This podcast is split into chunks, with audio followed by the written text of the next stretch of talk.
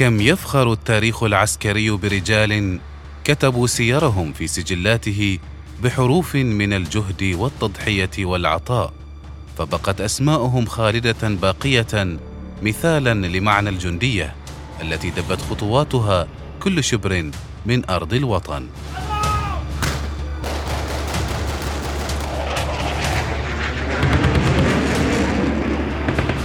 جنود برنامج أسبوعي نتعرف من خلاله على الجنود الذين ضحوا بحياتهم من أجل أوطانهم.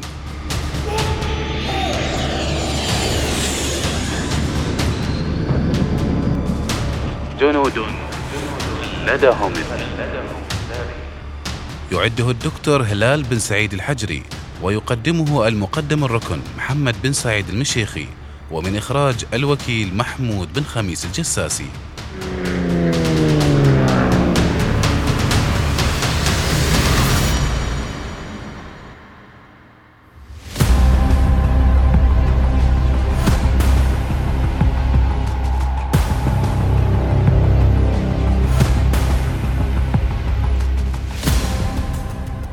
جنود خلدهم التاريخ.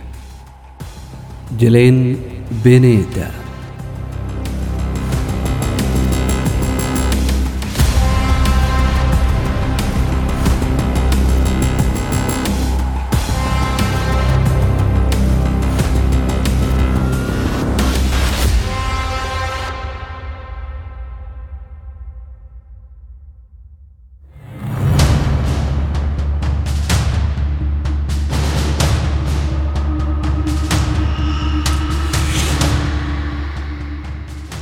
عندما دخلت الولايات المتحدة الأمريكية الحرب العالمية الثانية اعتقد الكثيرون أنهم سيخسرون لأن الانتصارات اليابانية ظلت تتوالى ضد أمريكا. ويزعم المؤرخون أن معركة ميدواي في يونيو من عام 1942 كانت بمثابة نقطة التحول التي حولت الحرب لصالح أمريكا. ولكن السجلات تظهر أنها بدأت قبل ذلك بفترة طويلة في الصين. بدأ كل شيء بالحرب الصينية اليابانية الثانية. كانت اليابان تهاجم الصين لفترة من الوقت. ولكن في عام 1937 شنت هجوما واسع النطاق شمل الإبادة الجماعية في مدينة ناكينج واتحدت الفصائل المتحاربة في الصين لكنها أدركت أن عصبة الأمم كانت عديمة الفائدة وكانت ألمانيا مشغولة ببريطانيا وبقية أوروبا. في حين كانت روسيا مشغولة أيضا بالاقتحام في الصين لذلك لجأوا إلى أمريكا. وعلى الرغم من حيادها الرسمي أدانت أمريكا اليابان.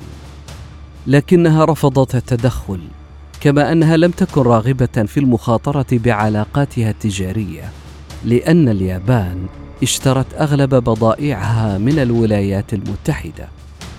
لم يكن هناك سوى شيء واحد للقيام به وهو تعيين كلير لي تشينولت العقيد المتقاعد في سلاح الجو الأمريكي. كانت الصين فقيرة ومتخلفة تكنولوجيا ولم تكن الأسلحة الحديثة التي تمتلكها كافية. ومع ذلك كانت شينولت مصمما على المساعدة وقد أحدث ذلك فرقا. لأنه في الثالث والعشرين من ديسمبر من عام 1940 وافق الرئيس فرانكلين روزفلت على أن الصين بحاجة إلى المساعدة. تم ذلك بشكل غير رسمي لأن أمريكا كانت دولة محايدة ولم تتورط قط في حروب خارجية.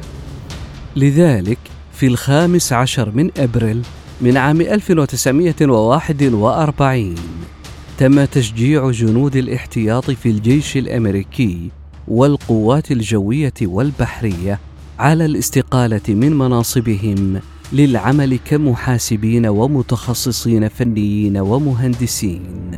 على الرغم من أن العديد منهم لم يذهبوا إلى الكلية قط ثم شقوا طريقهم إلى المجموعة التطوعية الأمريكية الأولى في بورما. ولضمان الا يؤدي أي شيء إلى هذه الأحداث عملت حكومة الولايات المتحدة مع الشركة المركزية لتصنيع الطائرات كامكو. وهي شركة أمريكية مقرها في لويونج في الصين. ومن اللافت للنظر أن لويونج تقع بجوار الحدود البورميه مباشرة. وهكذا ولدت النمور الطائرة. وهو سرب جوي تم إنشاؤه لمحاربة اليابان حتى قبل قصف بيرل هاربور. وقد أدت هذه الإجراءات إلى حماية طريق بورما طريق الإمداد الرئيسي للصين والصين الحرة. في حالة إسقاطهم تم منح كل طيار ورقة تستخدم للتواصل بين الأشخاص الذين لا يتشاركون لغة مشتركة حيث يمكن للأشخاص الذين يتحدثون الإشارة إلى الرسم التخطيطي أو العبارة ثنائية اللغة التي تنقل رسالتهم وهي وثيقة تحث الجميع على مساعدتهم. تمكنت النمور الطائرة من منع اليابانيين من قصف مدينة كونمينج والعديد من المدن الأخرى. لذا في حين أن المعركة الأمريكية في مسرح المحيط الهادي لم تبدأ بشكل جيد إلا أن الأمور كانت مختلفة في الصين.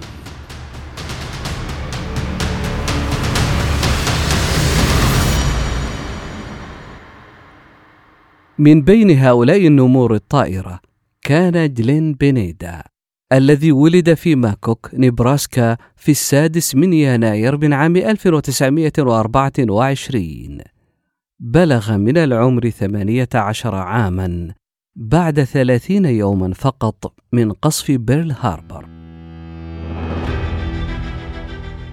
وكان طالبا جديدا في الكلية عندما ترك الدراسة للانضمام إلى سلاح الجو في مارس من عام 1942 بعد التدريب على الطيران أرسل إلى الصين في مايو من العام التالي وعين في السرب السادس والسبعين ضمن المجموعة المقاتلة الثالثة والعشرين التابعة للقوات الجوية الرابعة عشرة. وقام بعدة عمليات عسكرية وأسقط بعض الطائرات اليابانية. وعلى الرغم من ذلك لم يكن له علاقة كبيرة بالصينيين. لقد كان يقاتل من أجل بلاده. وإذا كان لابد من القيام بذلك في الصين فليكن. تغير كل ذلك في السادس من مايو من عام 1944 عندما أرسلت القوات الجوية الرابعة عشر سربا كبيرا لتدمير القاعدة اليابانية في هانكو بمقاطعة هوبي.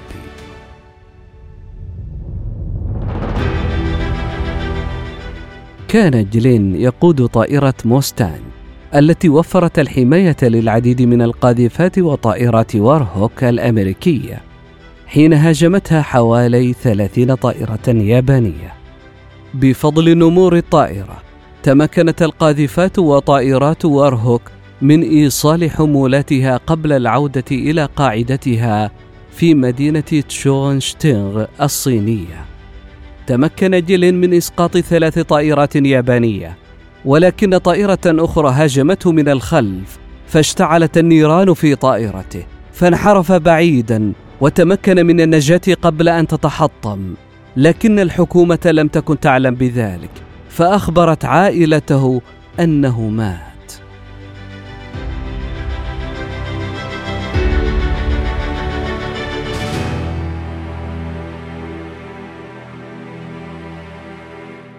حصل جلين على وسام الإنجاز الجدير بالتقدير في الطيران. وكان سكان قرية لوجيا في مقاطعة جيانغشي يعرفون أفضل من ذلك. لأن طائرته تحطمت في حقول الأرز الخاصة بهم.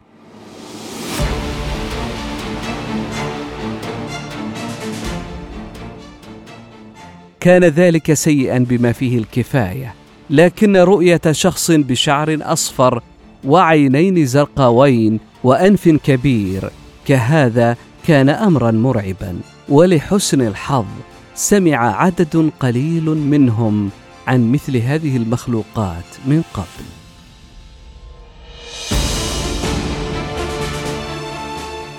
أصيب جلين وكان مرعوبا بنفس القدر ولإظهار أنه لا يقصد الأذى قدم عرضا رائعا بإلقاء سكينه بعيدا وأخرج العلم الأمريكي لكنه لم يلقى سوى نظرات فارغة. وأخيرا سلمهما البطاقة الثنائية اللغة التي أعطي إياها لمثل هذه الظروف ففهمه الصينيون. وباستخدام هذه البطاقة أيضا تمكن من التواصل مع لوه فوشي زعيم القرية الذي تعهد بالمساعدة. حمل الصينيون جلين إلى قريتهم حيث أطعموه وعالجوا جروحه لكنه ظل غير قادر على المشي. لذلك صنعوا له نقالة وبدأوا ماراثونا خطيرا لإعادته إلى أراضي الحلفاء. سافروا ليلا لتجنب اليابانيين. وعلى الرغم من النقص الحاد في الغذاء فقد فعلوا ما في وسعهم. في التاسع والعشرين من مايو نقلوه أخيرا إلى مقر الفرقة الخامسة للجيش الرابع الصيني في مقاطعة داو. ومنها أرسلوه إلى تشونغ لم ينسجل أبدا ما فعله الصينيون من أجله ولم ينسوه أبدا أيضا لأنهم رحبوا به مرة أخرى في مدينة لوجيا كضيف شرف في التاسع من سبتمبر من عام 2005 ولم تنس الصين النمور الطائرة وهذا هو السبب وراء بقاء بعض رماد جلين بينيدا في حديقة لي شيانيان التذكارية المخصصة فقط لكبار الشخصيات الصينية. وهكذا أصبح جلين بينيدا من الجنود الذين خلدهم التاريخ.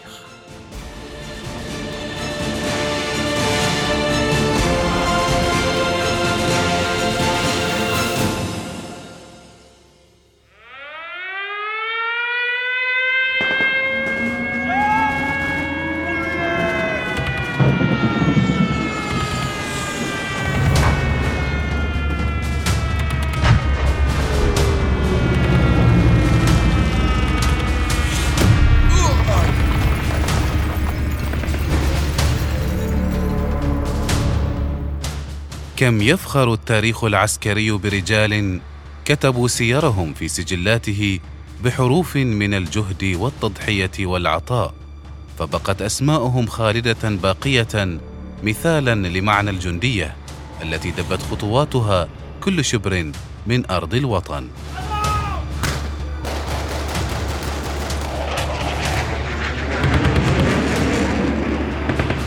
جنود برنامج أسبوعي نتعرف من خلاله على الجنود الذين ضحوا بحياتهم من أجل أوطانهم.